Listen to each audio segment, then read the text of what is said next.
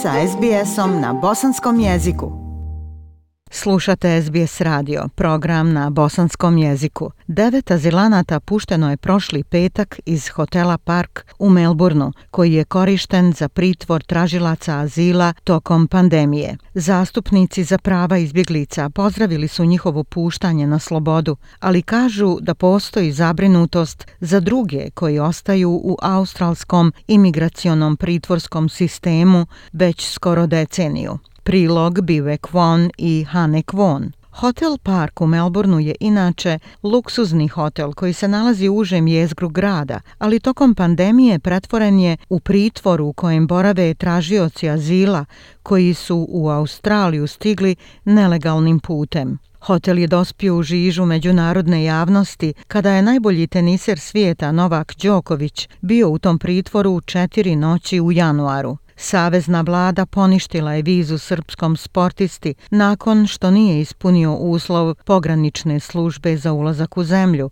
a uslov je da svi strani posjetioci moraju biti u potpunosti vakcinisani protiv COVID-19. Incident je skrenuo pažnju ne samo na vizni problem Đokovića, nego i na težak položaj oko 30 tražilaca azila koji su držani u hotelu Park, to jest od 2019. improvizovanom centru za pritvor imigranata. Mnogi od njih su evakuisani u Australiju iz australskih priobalnih pritvorskih objekata na ostrvima Nauru i Manus da bi im se pružila medicinska pomoć, poslije čega se njihov pritvor u australskom imigracionom pritvorskom sistemu produžio na više od 9 godina. Među njima je i 30-godišnji Ismail Hussein koji je rođen u Somaliji on je za SBS News rekao da su on i još osam drugih pritvorenika pušteni iz hotela Park u prošli petak. It was really unexpected, but uh, you know, it's a bitter, bitter sweet. I mean, getting freedom after nine years of Bilo je zaista neočekivano. Znaš i gorko i slatko istovremeno. Mislim, dobiti slobodu nakon devet godina pritvora je prilično nevjerovatno i ne mogu zamisliti da smo ostavili naše prijatelje tamo. Mi smo bili zajedno toliko dugo i znam kako se osjećaju. Muhammed Joy Mia, rođen u Bangladešu, također je oslobođen nakon više od dvije godine zatvoreništva u hotelu Park. Ovaj 41-godišnjak je prvi put priveden na Božićnom ostrvu kada je 2013. zatražio azil. Kaže da je još uvijek u šoku zbog puštanja na slobodu nakon skoro decenije provedene u pritvoru. Last night I couldn't sleep. Just I Just I still am thinking, what is the security guards? No more security guards. Sinoć nisam mogao da spavam. Još uvijek razmišljam gdje su stražari. Nema više obezbjeđenja iza mene. Slobodan sam poslije toliko godina. Kako se saznaje, u hotelu Park je još 18 tražilaca azila. David Glantz iz organizacije Refugee Action Collective u Viktoriji kaže da devetorica puštenih azilanata nikada nisu dobili objašnjenje zašto su bili pritvoreni. And of course there are others in detention elsewhere around Australia who are in exactly the same situation and remain in detention for no reason whatsoever I naravno ima i drugih u pritvoru na drugim mjestima širom Australije koji su u potpuno istoj situaciji i ostaju u pritvoru bez ikakvog razloga. I nema objašnjenja zašto su njihovi prijatelji pušteni, a oni ostali u pritvoru. To je veoma okrutno, veoma je hirovito, to je gotovo oblik psihološke torture. Dakle, naš stav je jasan. Ako je jedan oslobođen, onda svi moraju izaći van. Svi moraju biti oslobođeni.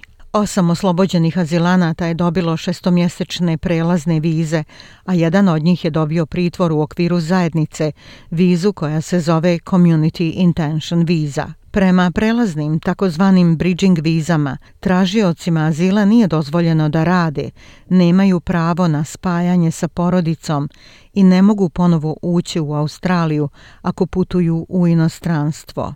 SBS također saznaje da je jedan pritvorenik pušten iz tranzitnog imigracionog smještaja Immigration Transit Accommodation također u Melbourneu, a trojica azilanata su pušteni iz Immigration Transit Accommodation Center u Brisbaneu, što čini ukupno 13 azilanata u periodu od 24 sata. Jan Rintol iz Koalicije za izbjeglice kaže da je vlada vrlo tiho riješila oslobađanje muškaraca. But it is now an embarrassment for you know the Morrison government. There's been so much attention on the Park Hotel, you know, particularly since the you know the the. To je sada sramota za Morrisonovu uh, vladu. Bilo je toliko pažnje usmjerene na hotelu Park, posebno na bijes i fijasko Novaka Đokovića, koji je držan u hotelu Park, što je privuklo pažnju svjetske javnosti i još veću pažnju australske javnosti o tome šta se dešavalo u hotelu Park bilo je vrlo očigledno da je ovo oslobađanje obavljeno nakon radnog vremena u petak uveče, tako da bi se najmanja moguća pažnja skrenula na činjenicu da vlada mora pustiti još ljudi.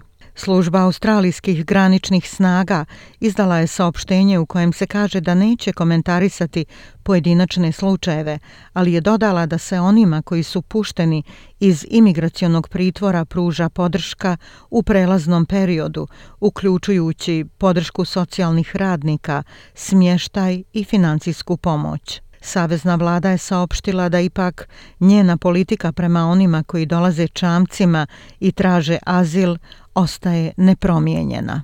Ismail Hussein kaže da želi da vidi puštanje 18 drugih pritvorenika u hotelu Park prije nego što se okrene ponovnom izgrađivanju svog života. I'm looking forward to the future to really build my life and overcome from Želim da ponovo izgradim svoj život i prevaziđem svu torturu kroz koju sam prošao u posljednjih devet godina prva stvar je da se brinem o svom zdravlju, a onda se radujem ponovnom planiranju svog života. Ministarstvo unutrašnjih poslova kaže da je još 1459 ljudi zadržano u raznim imigracijskim pritvorskim objektima u Australiji od 30. septembra 2021. godine. Ta brojka uključuje najmanje 60 izbjeglica i tražilaca azila koji su prebačeni sa ostrva Nauru i Manus.